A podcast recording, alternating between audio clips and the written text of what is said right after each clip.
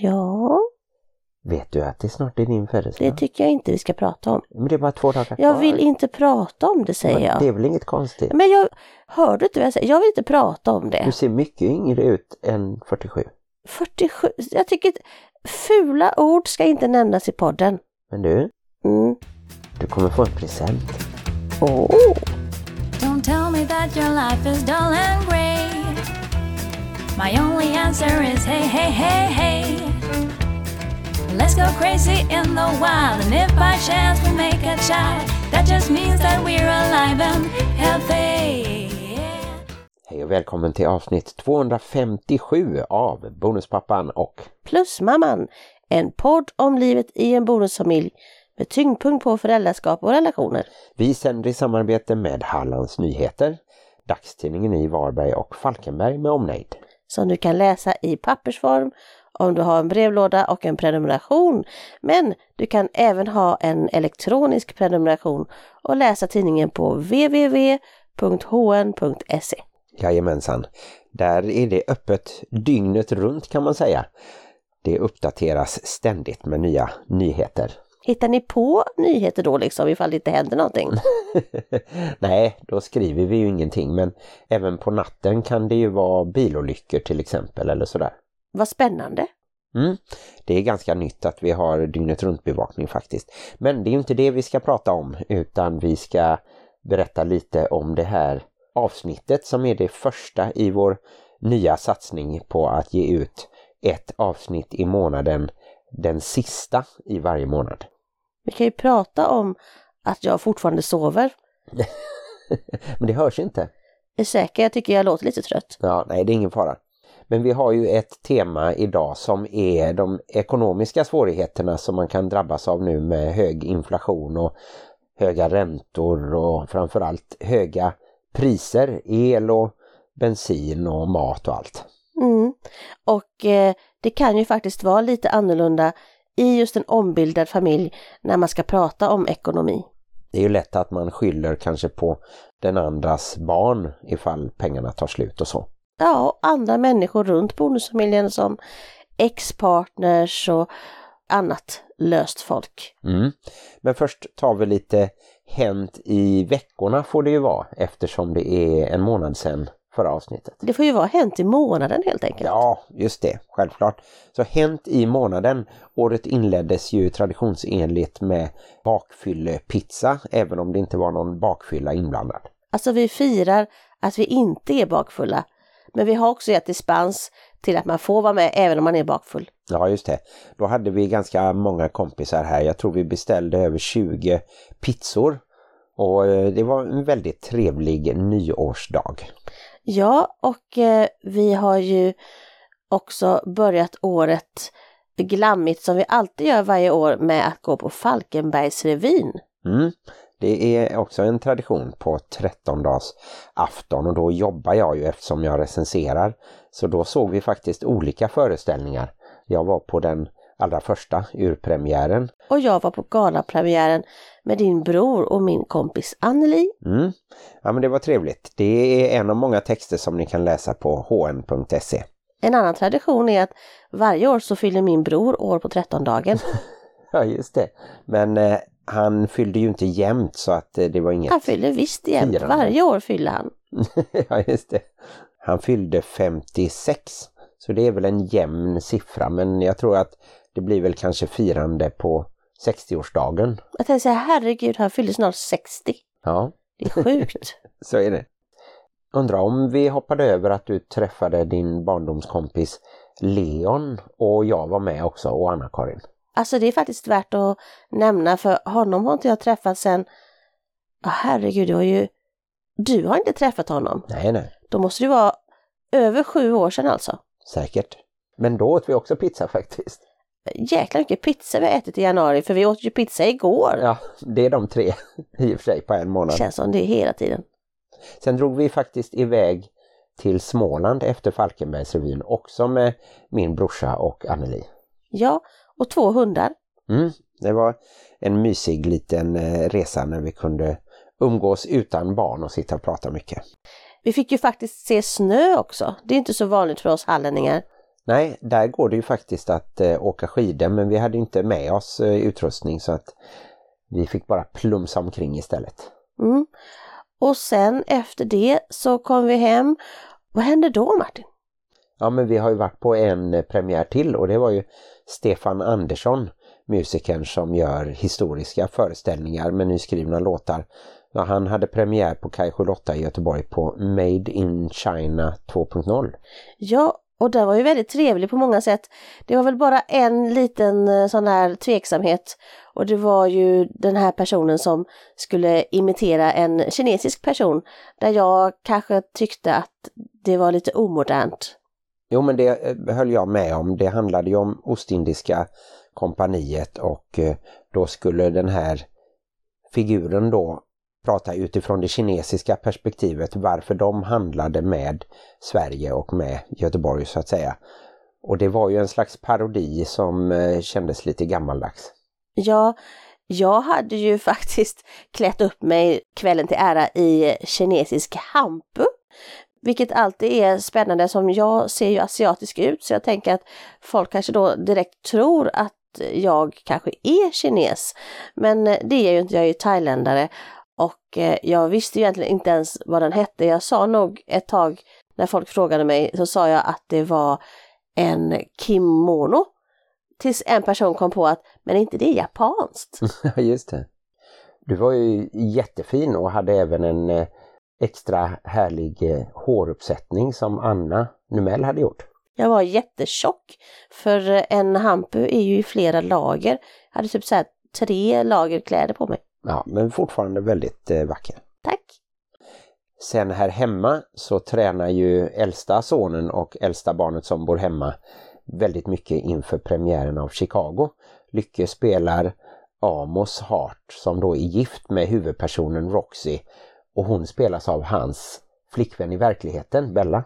Ja, och eh, han tränar ju dessutom väldigt mycket på saxofonen som han fick i julklapp. Och eh, det har ju gått rasande fort att lära sig den. Mm, väldigt roligt. Han höll ju på och spelade lite trumpet som biinstrument. Även om då gitarr och sen lite elbas är hans huvudinstrument. Jag tycker Men- ändå att saxofonen låter skönare på något sätt än trumpeten. Ja, det är ju lättare och Lycke är jätteduktig så han har lärt sig snabbt så han spelar till och med en sån ganska svår låt som Take Five. En gammal jazzlåt i femtakt Eh, så det blir jag glad av att höra ner hit till oss. Och igår så fick jag höra dig spela lite trummor. Det är ändå inte så ofta. Var det första gången du trummade i år? Ja, det var nog första gången i år. Sen blir det 11 februari så ska jag spela lite i Göteborg med bandet där, mina jazzkompisar. Men det var kul att öva lite. Ja, du kanske var för rädd för att se skräckfilmer som vi andra såg. Conjuring 2 var det väl, ja just det. Nej, men eh, jag trivdes bakom trummorna. Och eh, idag så faktiskt kom jag på att det är ju Sagas födelsedag, mitt äldsta bonusbarn. Det är mitt barn. Ja, det är det ju. Ja, hon fyller 21 år och det är ju helt otroligt att det kan ha gått så många år sedan jag klämde ut min första telning. Och eh, det gjorde jag ju då två dagar innan min egen födelsedag så att jag fyller år i övermorgon. Mm. Och eh, vi laddar ju även lite inför Sagas flytt. Hon ska byta från en eh, lägenhet till en annan liten etta, en källarlägenhet. Ja, men det får vi ju berätta om i nästa avsnitt eftersom det kommer hända i februari. Just det. Men på tal om film så har jag faktiskt fått ett litet annat extra knäck. Det är lite lustigt. Ja, du jobbar ju heltid redan fast på natten. Och nu så ska du jobba lite dagtid. Ja, det är ju lite roligt. Jag berättar för folk att jag har börjat jobba på bion och alla bara va? Varför jobbar du på bio? Men det är ju ett drömjobb. Alltså jag får käka popcorn och se på bio. ja, just det. Det är den enda lön jag ska ha. Du får popcorn och biobiljetter. Nej, jag får faktiskt riktig lön också. Mm. Men eh, hur fick du det här extra jobbet?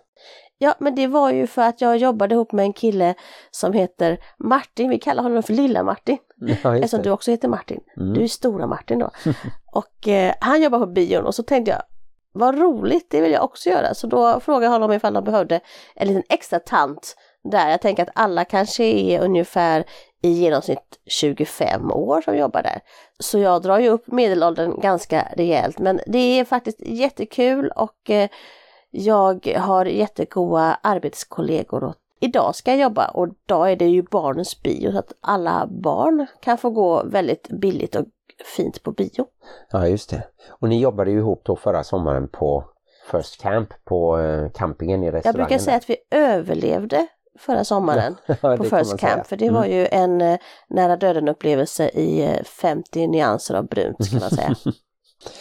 Vi kan ju också nämna att vi har varit och sett djurfarmen på Teater Halland. Först var vi på en öppen repetition under en timme ungefär och sen såg vi hela genrepet. Ja, och då var ju svärfar med på själva den här öppna repetitionen och eh, sen hade vi en eh, kompis Marie med oss på själva föreställningen. Mm. Så det var du och jag och eh, Gin som är våran 18-åring och som dessutom har läst boken och kunde förklara lite för oss. Det var ju väldigt imponerande för att den är ju en sån bok som typ alla egentligen ska ha läst men de flesta då kanske bara har smitit ifrån och hoppat över. Så att det är många människor som jag har pratat med som inte alls har hört talas om den här boken.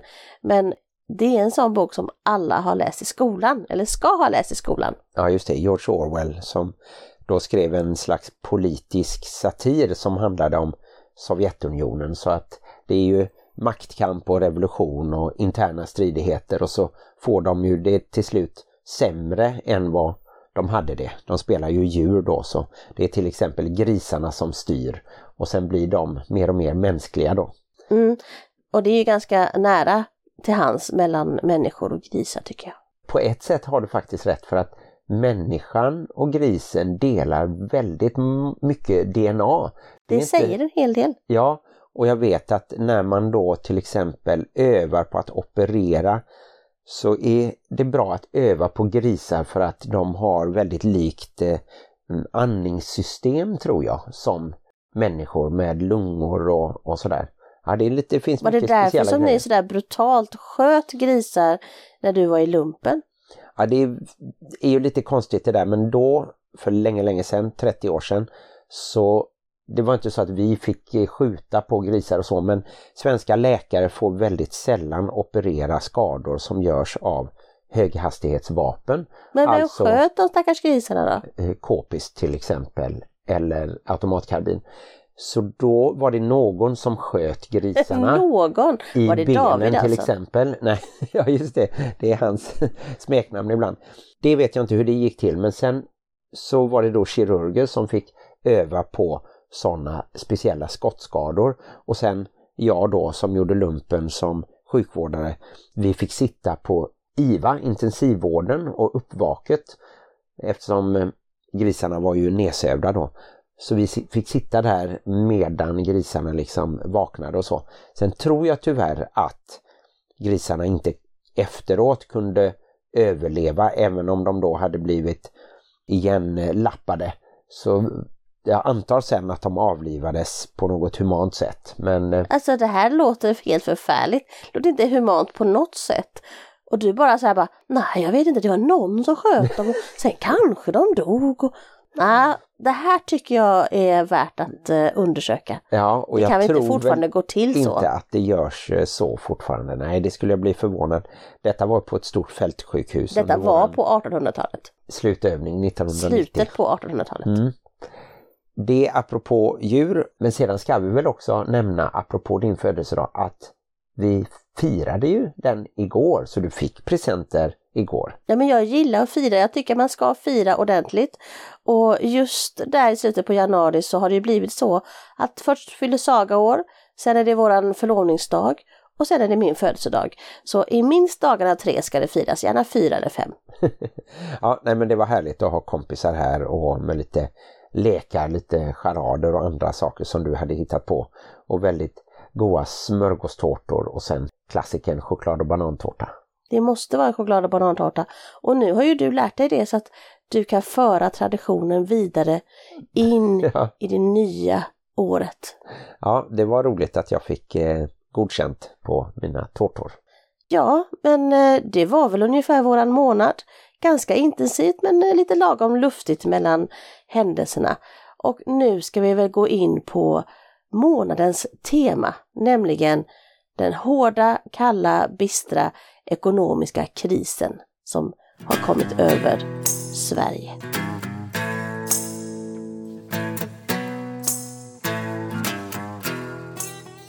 Ja, nu kanske det är dags att du öppnar ögonen så att vi kan ha lite kontakt och prata med varandra och sådär. Det är dags att öppna ögonen inför den ekonomiska krisen som vi ska prata om. Nej men jag tycker det var skönt att ligga och blunda. Tycker du att det låter som att jag sover? Nej, du låter faktiskt mycket piggare än du ser ut. jag skulle säga, du låter piggare än du brukar göra. Det, det, det var taskigt. Nej, du låter alltid pigg i podden tycker jag nog. Men eh, lite som bakgrund till exempel då för oss så när vi fick elräkningen så var den på 5500 kronor. Det var det... inte så farligt ändå, jag har hört Nej. mycket, mycket värre. Ja, vi har ju kompisar som har fått elräkningar som också bor i hus som ligger på över 16 000. Och jag har en kompis som hade över 20 000. Mm. Men det är klart, det var ju nästan dubbelt så mycket mot vad vi var vana vid. Och det är klart att då får man ju hitta något att dra ner på kanske eller hoppas på det här elstödet som kommer och som kan vara på några tusenlappar i alla fall kanske. Ja, men eh, jag kanske ska berätta lite hur jag hade tänkt det här avsnittet. Ja, du är våran liksom chefsideolog som bestämmer lite och så hänger jag på. Så att, eh, ja, fast jag är ju sån där som liksom, jag går på känsla. Jag bara, ja men det här ska vi prata om och så får det bli som det blir. Men jag tänkte en del punkter i alla fall. Mm. Och det ena är ju då att vi kanske pratar lite om vad som faktiskt har hänt. För det känns lite som att även om det pratas mycket om då speciellt elkrisen kanske, så känns det också som många faktiskt blundar för att eh, det har ju blivit enorma ökningar på matkostnader och, och bensinkostnader och annat som ändå är sådana vardagliga saker för oss att vi kan inte helt ta bort det, för det hade ju blivit väldigt stor omställning för många. Men man kanske måste göra en del förändringar. Ja, jag märker det ju väldigt tydligt eh, på matpriserna att allting är så mycket dyrare. Och samtidigt så har ju inte våra löner gått upp. Så det är inte så att vi har mer pengar egentligen att köpa för. Nej, alltså jag får äta precis lika mycket popcorn nu som jag fick för en månad sedan. ja, just det.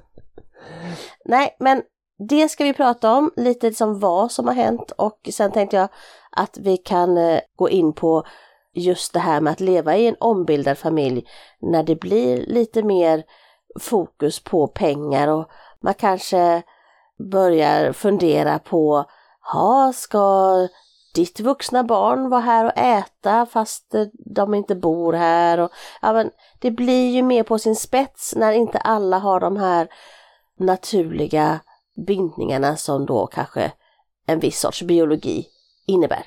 Ja, och jag kan tänka mig att det kan bli diskussioner även mellan två stycken ursprungsföräldrar så att säga. Om de märker att deras pengar håller på att ta slut och så kommer det hem barn och vill äta hela tiden trots att de egentligen bor själva och har lön och har så pass billig hyra så att de kan spara massa pengar varje månad. Det skulle mm. ju kunna bli det också men det blir inte den där avundsjukan eller uppdelningen. Nej, och det här med vem som betalar vad kanske också blir väldigt mycket viktigare i dessa tider. Men vi ska inte gå händelserna i förväg. Vi ska sen knyta ihop säcken med att vi ger lite tips på hur vi har gjort besparingar och även kanske någon sån här liten hur kan man tänka så att inte ekonomin ska bli det som kör en kil emellan varandra i bonusfamiljen. Mm. Och eh, den här första punkten då, det vet ju kanske de flesta om att inflationen nu driver upp priserna och det är ganska mycket kopplat till kriget när Ryssland invaderade Ukraina. Och det är ju nu ett år sedan ungefär och tyvärr verkar det som att det kommer fortsätta.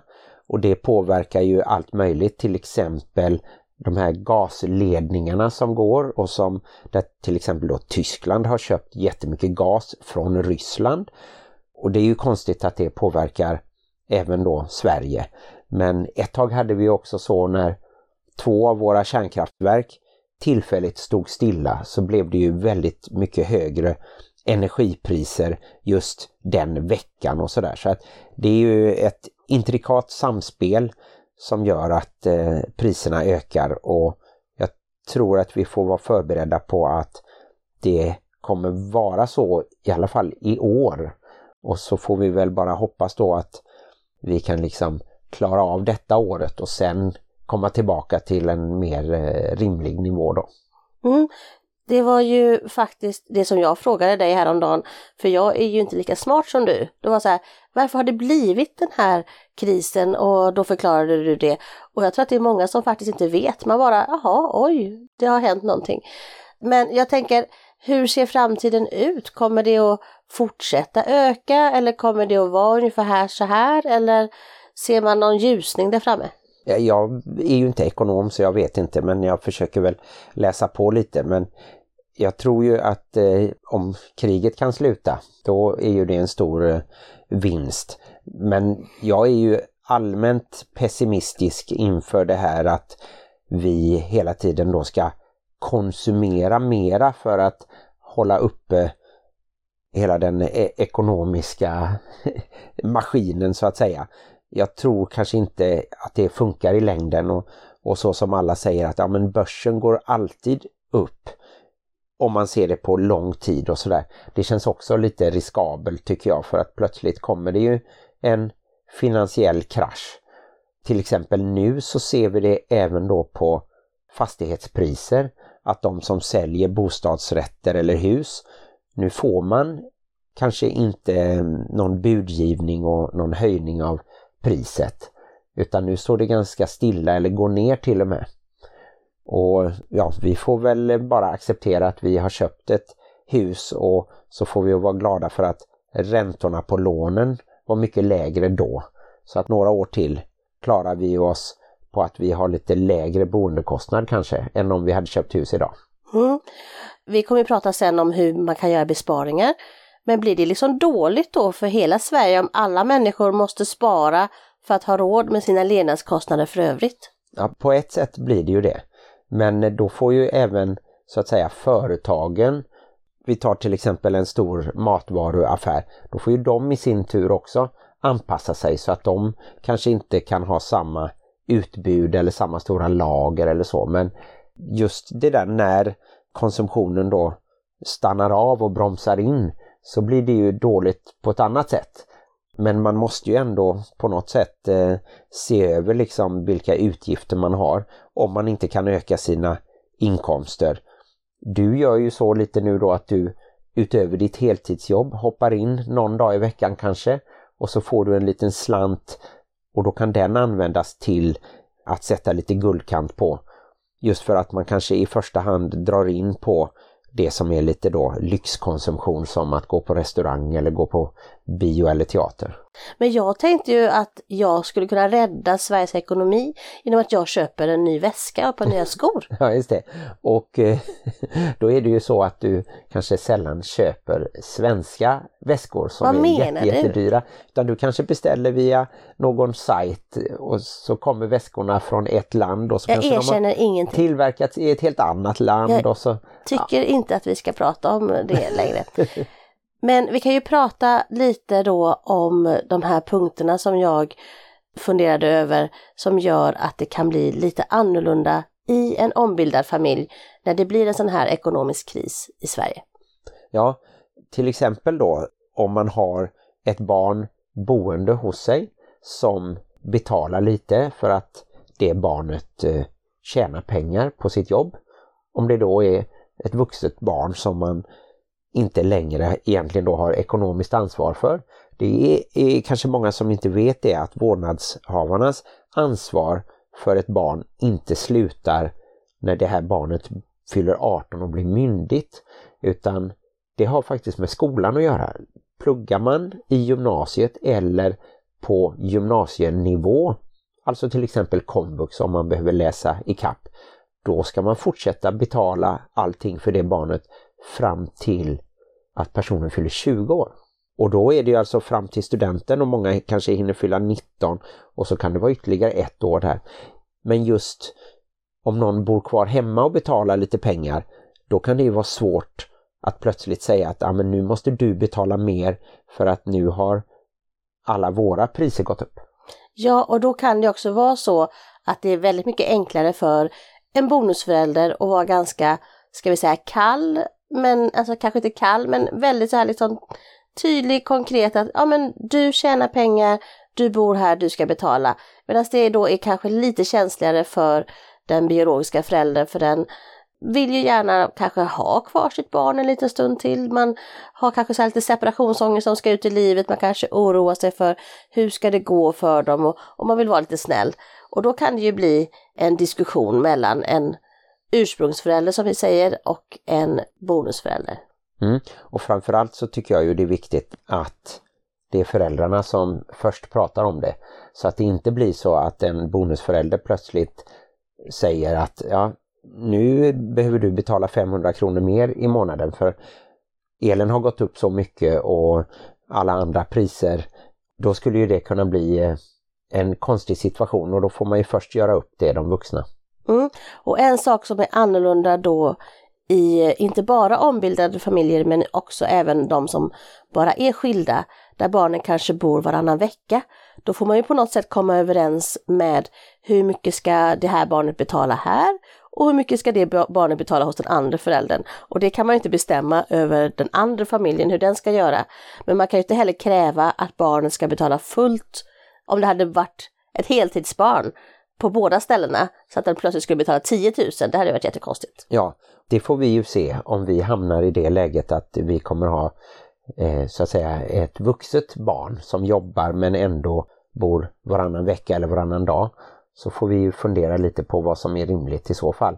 När det barnet har ett rum kvar här och kanske äter här och så. Så är det för ganska många ombildade familjer. Vi råkar ju ha att barn bor här på heltid, men det allra vanligaste är kanske att de bor varannan vecka eller så. Och hur det då ska fortlöpa när de är kanske 20 plus, det vet man ju inte. Och där är också en annan aspekt och det är ju ifall barnet bor hemma fortfarande men inte tjänar pengar.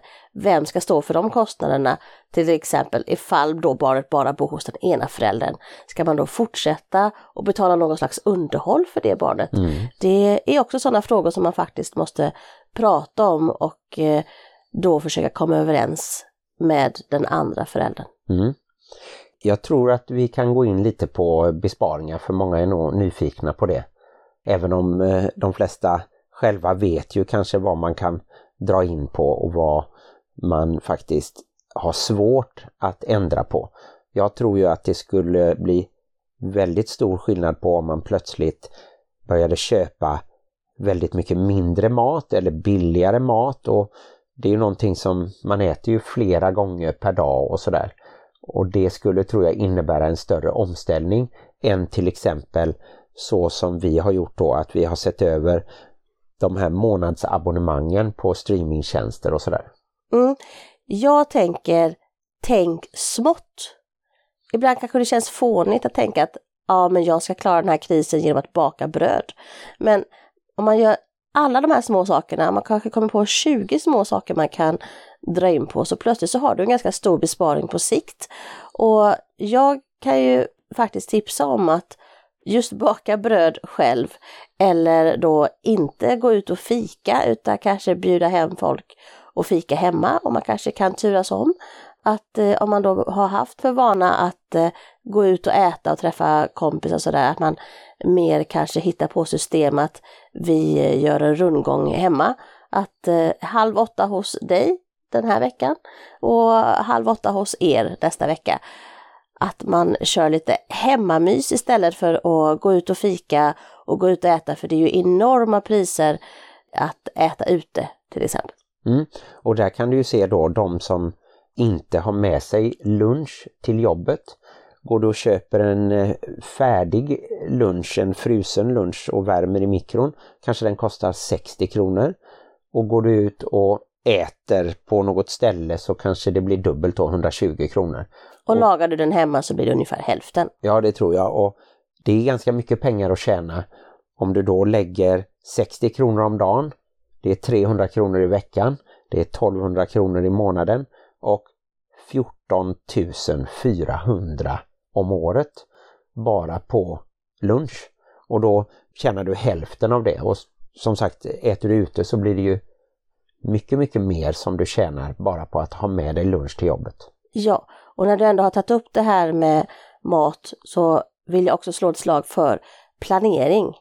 Om du går in i en affär och inte har någon som helst planering över hur du tänker äta den veckan så kommer du helt säkert att köpa mer än du behöver.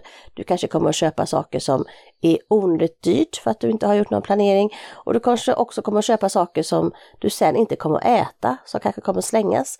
Så planera din vecka. Vad ska du äta? Vad kan du behöva köpa? Hur kan du se att du inte köper liksom de allra dyraste sakerna? För det är ganska stor skillnad på kostnader för eh, till exempel grönsaker. Det är ju mycket säsong. Vad är det för grönsaker som är i säsong? Och annat sånt. Så att extrapriser. Och det handlar liksom inte om att ja men det hjälper väl inte om jag tjänar 3 kronor här och 2 kronor där. Jo, det är det som hjälper i det hela stora. Mm, och det är faktiskt så att det finns livsmedelsaffärer som är billigare än de andra. Till exempel de lite mindre är oftast dyrare, de som är i centrum är oftast dyrare. Så ska du storhandla och behöver köra ett antal kilometer med bilen så tjänar du in det till slut. Och precis som du säger, köp falukorv den gången som falukorven är på rea. Eller som jag kollar, sånt som nu har blivit väldigt dyrt, exempelvis riktigt smör som du då har när du bakar. Det kan Man ju kosta... måste ha riktigt smör. Ja, och det kan kosta över 50 kronor. Men på rea kan det kosta 35 kanske. Och då köper man ju på sig lite eftersom det håller ganska länge också. Och samma när det är lite billigare broccoli, då köper man det den veckan och morötter en annan vecka och så vidare. Så det är ju lite krångligt och sådär men eh, som sagt det skiljer ganska mycket. Köttfärs, när det är billigt, då kan det skilja ganska mycket mot liksom ordinarie pris. Mm. Och eh, om vi då ska bolla över det till vad kan det då för, för andra problem i en ombildad familj när det gäller matinköp och sånt. Och då kan det ju faktiskt vara så, eh, det har vi sagt innan, att det finns ganska stora åldersskillnader på just varandras barn. Det kan ju vara så att du går in i en familj som du, du hade inga barn och jag hade fyra barn. Det kan ju också vara så att du går in i en familj och så har du små barn och din partner har liksom vuxna eh, stora barn, kanske 17, 18, 19 år och det är en stor skillnad på hur de äter. Och i vanliga fall när eh, man inte har de här ekonomiska kriserna då, så kanske man inte tänker så mycket på det, men plötsligt så kanske man blir lite så här bara, hmm, äter inte dina barn väldigt mycket mer än mina barn? Hur tycker du man ska resonera i en ombildad familj då? Dels så tror jag att man från början behöver ju bestämma om man ska ha gemensam ekonomi eller delad ekonomi. Och då är det ju så att har man delad ekonomi så betyder ju inte det att man delar på allting. Utan det betyder ju att man har delat upp så att man har separata ekonomiska delar och att man då betalar för sina egna barn bara. Och det tror jag blir väldigt krångligt i längden. Och då skulle jag vilja tipsa om att ifall man vill dela upp det så är det ett jättebra tips att ha ett sånt här kort på den matvaruaffär där ni handlar allra mest och att ni då procentuellt sätter in en summa pengar. Att ni kommer överens om att ja, men ni i er familj, om man så ska säga så, äter så här mycket och ni så. Så kanske den ena sätter in en lite högre summa och den andra sätter in en lite lägre summa. Men sen köper man tillsammans. Så att det inte blir liksom varje gång man ska betala att man kan sitta och dela upp då så. Nej absolut inte, det går inte liksom att spara kvitton och se, ja men du köpte ju det och du köpte det och så. Det blir väldigt så här jobbigt tror ja. jag. Jag tror det blir väldigt dålig stämning om inte annat. Mm. Men jag tror helt klart, och vi har ju gjort så att vi har slagit ihop våran ekonomi och även gift oss och så. Så att mina pengar går även till mina bonusbarn och eh, då tycker jag att har jag väl gjort det valet då kan jag liksom inte i efterhand säga att ah, men nu får dina barn äta mindre eller äta andra saker eller så. Dessutom är det ju vi som handlar och då köper vi ju de grejerna till hela familjen och så vidare. Men det finns ju saker som man då specifikt kan tänka att ja, men vi kanske ska minska då på hämtmat. Vi kanske ska minska på att inte köpa så mycket godis och snacks till exempel. Eftersom det kostar pengar och samtidigt inte är så nyttigt. Mm. Men eh, jag tänkte mer, finns det något tips man kan tänka om man känner att det har börjat bli lite så här tjafsigt i bonusfamiljen just för att man har olikheter i eh, åldrar på barnen och hur mycket de olika då familjeenheterna kostar i jämförelse med, alltså en 18-åring äter mer än en 3-åring. Ja absolut och jag menar killar som växer har ju liksom ingen botten så utan det är ju enkelt att äta liksom åtta smörgåsar och ta jättemycket pålägg och så. Och visst, det kan man säkert reta sig på. Eh, även om man då själv kan tänka tillbaka på, ja men hur gjorde jag när jag bodde hemma? Då kanske jag gjorde det också. Eller drack en liter mjölk bara på 10 sekunder ungefär. Men nej, men man får ju prata om det. Allting bottnar ju i kommunikation så först skulle ju då du och jag få prata om det och sen kan man ju involvera barnen. Och jag menar, har man barn som tycker det är roligt att laga mat ibland som vi märker här på eh, Helle som snart fyller 13 år att hon kan tycka att det är kul att någon gång laga mat för att hon har gjort något i skolan eller för att hon själv vill ha någonting. Och när hon kommer hem från skolan om ingen är hemma då gör hon något enklare, nudlar eller nuggets eller lite sådär. Och det går ju bra då. Ja, och vi har ju löst det så att vi har gett de eh, vuxna barn som fortfarande bor här men som också har fast arbete. Vi har ju gett dem den möjligheten att antingen betala 2000 och få full service eller köpa er egen mat och laga den. Mm. Och jag tror att Lycke sa att han ligger på ungefär 1500 men då tror jag ju också att han kanske inte äter lika fin och bra mat som han skulle gjort om han då istället betalade. Men det, det är det valet han gör, att han lägger de 500 på något annat och så äter han lite mer enkel studentmat så att säga, mycket pasta och så. Så vårt tips är ju i alla fall att om man upplever stora skillnader på just kanske faktiskt en sån post som mat, att man pratar om det och kommunicera runt det och våga vara öppna istället för att gå och irritera sig på varandra i alla fall. Ja precis, om det skulle vara så till exempel att ett barn tog hem kompisar och åt väldigt mycket när vi inte var här. Om jag då skulle reta mig på det och, och inte säga någonting, det skulle bli också jättekonstigt om jag gick omkring och var sur och så visste inte du varför. Eller om jag skulle säga något direkt till ett bonusbarn och var liksom sur utan att du visste om det. Det skulle kännas lite konstigt också. Även om vi försöker ha det här lite som om att, att jag har rätt att liksom säga till barnen om någonting skulle vara i alla fall farligt eller, eller dumt på något eh, ordentligt sätt. Så. Nej, nej, vi brukar säga att det är bara jag som får säga till dem att inte kasta sig ut i vägen framför bilar och sånt. Ja, just det. Mm. Nej, men det är väl en sak. Men sen så finns det ju också annat som man faktiskt kan spara in på sådana här kostnader som man kanske inte märker så mycket eftersom det är lite varje månad. Och då är det ju tyvärr, tror jag, till exempel om man då prenumererar på en tidning som kommer varje månad och jag menar en dagstidning är ju dyr, det kan jag förstå, men även en månadstidning som då kostar eh, 100 kronor eller 200 kronor i månaden eller som vi sa en streamingtjänst om du har både Netflix och Disney Plus. HBO och Storytel och det är bra att se över allt det här och det finns faktiskt väldigt många gratissajter där man kan läsa böcker och se filmer. Alltså inte bara sådana här fulsajter utan faktiskt riktiga som biblioteket har en sajt. Mm. Det är faktiskt eh, otroligt bra. Jag tror inte det är alla som känner till det men har du bara lånekort så kan man skriva upp sig och se fina streamade filmer både via cineasterna där det är kvalitetsfilm och även Vidla finns det en, V-I-D-D-L-A, som också går via lånekortet.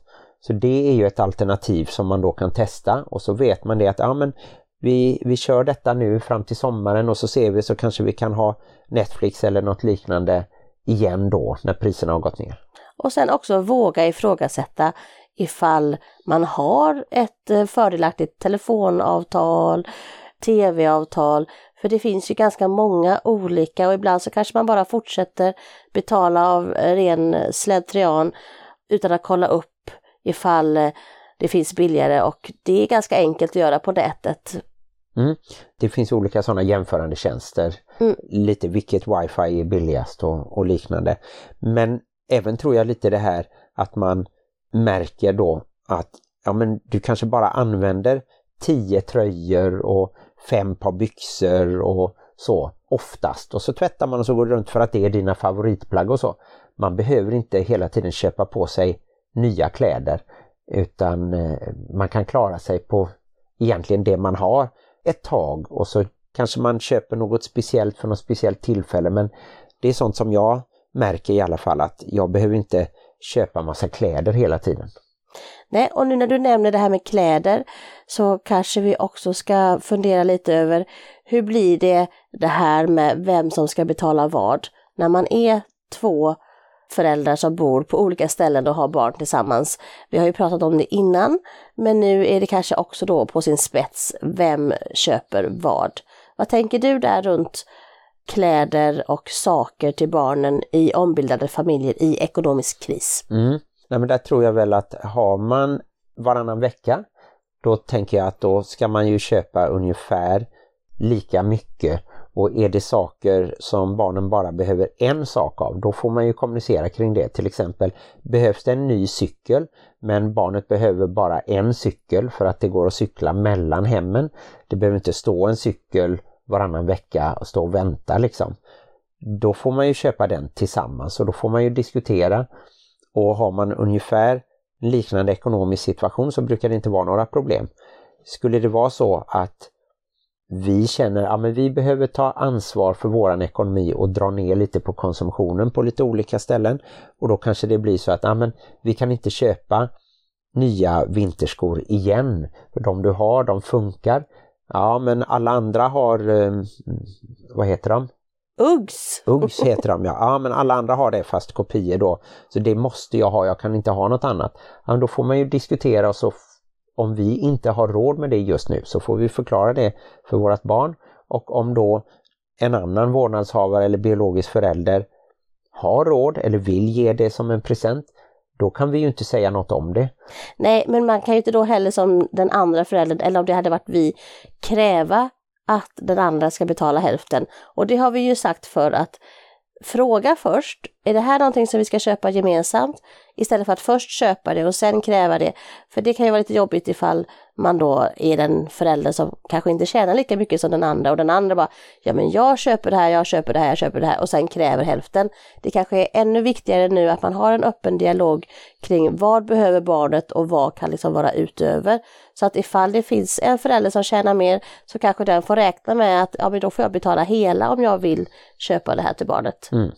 Sen beror det också lite på vad barnen vill ha. Man kan ju erbjuda till exempel, vi har ju barn som gillar att gå på second hand och köpa antingen kläder som är lite vintage som de gillar eller köpa begagnade kläder som ändå är fräscha och nya så att säga.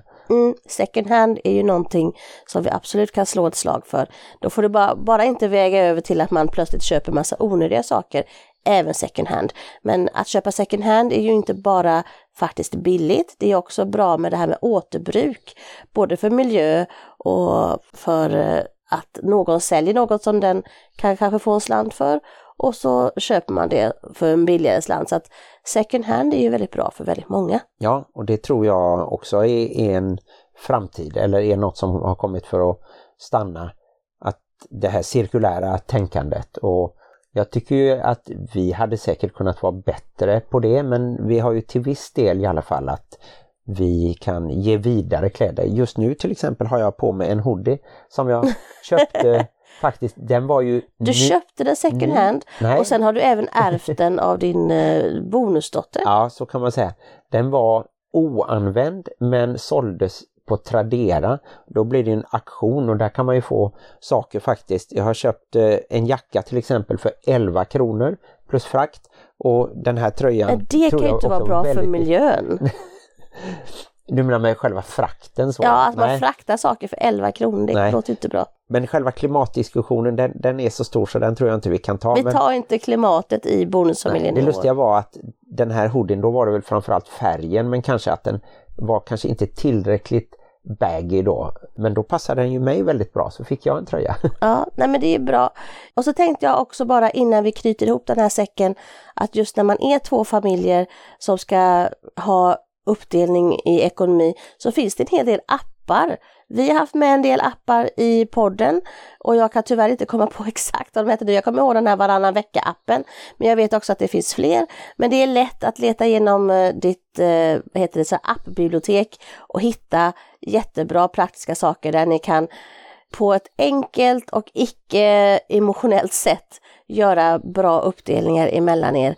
Och vi hade säkert kunnat prata jättelänge om ekonomi, men jag tänker att vi snabbt bara säger som så att försök att inte låta en sak som pengar komma emellan er. Det är tillräckligt jobbigt att leva i en ombildad familj med alla känslor och alla saker som är lite jobbigare just för att man är två familjer. Det är verkligen onödigt att lägga in pengar på det. Så att just pengar tycker jag är en sån sak som man egentligen kan prata om ganska känslokallt istället för att då ta in en massa, ja men dina barn och mina barn och inte låta det bli en fight. Mm. Och så gör lite som eh, Lyxfällan om ni har sett det programmet att kolla vad har vi för utgifter på den här månaden och så ser ni, är det något konto som sticker iväg? Är det så att ni ofta äter ute till exempel? Eller är det så att ni ofta beställer hem saker från någon eh, sajt, Amazon eller vad som helst så att det blir flera tusen varje månad.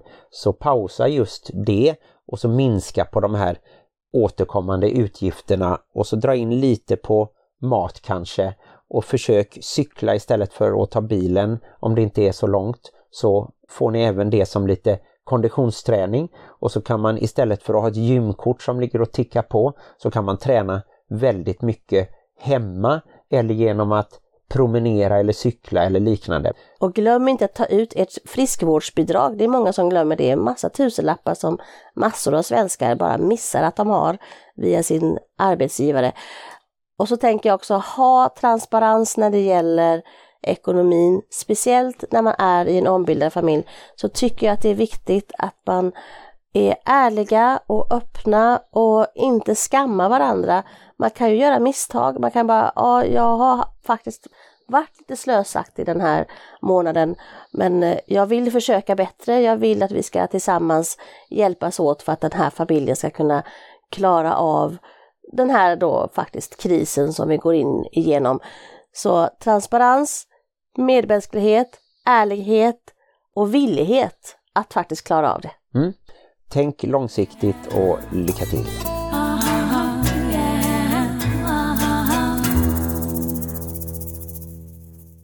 Ja, då ska vi väl bara avsluta det här avsnittet med vår traditionsenliga High and Low där vi väljer ut någonting från den senaste månaden som har varit extra bra och något som har varit extra jobbigt. Och du låter myndig Martin. jag är myndig, jag fyllde 18 för jättelänge sedan. Mm, det kan jag väl hålla med om. Om du vill så kan jag börja med min haj. Och det är alla de här fantastiska kalasen som du ordnar. Det är jätteroligt att träffa kompisar och spela spel eller bara prata eller göra någonting ute på stan. Gå på något quiz eller som nu, som det blir snart, eh, musikal. Mm. Men eh, vad har det med bonusfamiljer att göra? Nej det har det ju faktiskt inte men lite grann faktiskt att barnen får träffa andra vuxna. Det tror jag är väldigt viktigt och ibland så blir det ju också att de träffar andra barn som de inte känner så mycket men som de kan lära känna via våra kompisar. Men oftast är det ju då att det kommer in vuxna i deras hem och då får ju de välja om de ska vara med. Vi kräver ju inte att de ska liksom spela ett spel med oss. Förutom på min födelsedag när jag tvingade alla att spela med mig. ja just det, så var det. Nej men ehm, det har inte direkt med bonusfamiljen att göra men jag tror ändå att det är bra att man inte isolerar sig utan att man får också uppleva hur ens förälder och bonusförälder är i andra sammanhang, i kontakten med andra eller ute i samhället så att säga. Mm. Så vi börjar alltså med våran haj Ja, det gjorde jag. Jag kan ta min low direkt också för den är väldigt tydlig. Och det är att jag känner att jag lite för ofta misslyckas med att uppskatta dina försök. Till exempel med våran ekonomi som ju vi har pratat om nu i det här avsnittet. Och du kämpar verkligen för att eh, bidra. Nu har du till exempel då ett extra jobb och du vågar också använda lite pengar för att göra roliga saker när jag kan bli lite väl restriktiv och tänka för långsiktigt och bli orolig över vad som ska hända sen och det vet vi ju inte. Så jag tycker att du gör jättemycket bra saker som du tyvärr får lite för lite uppskattning för.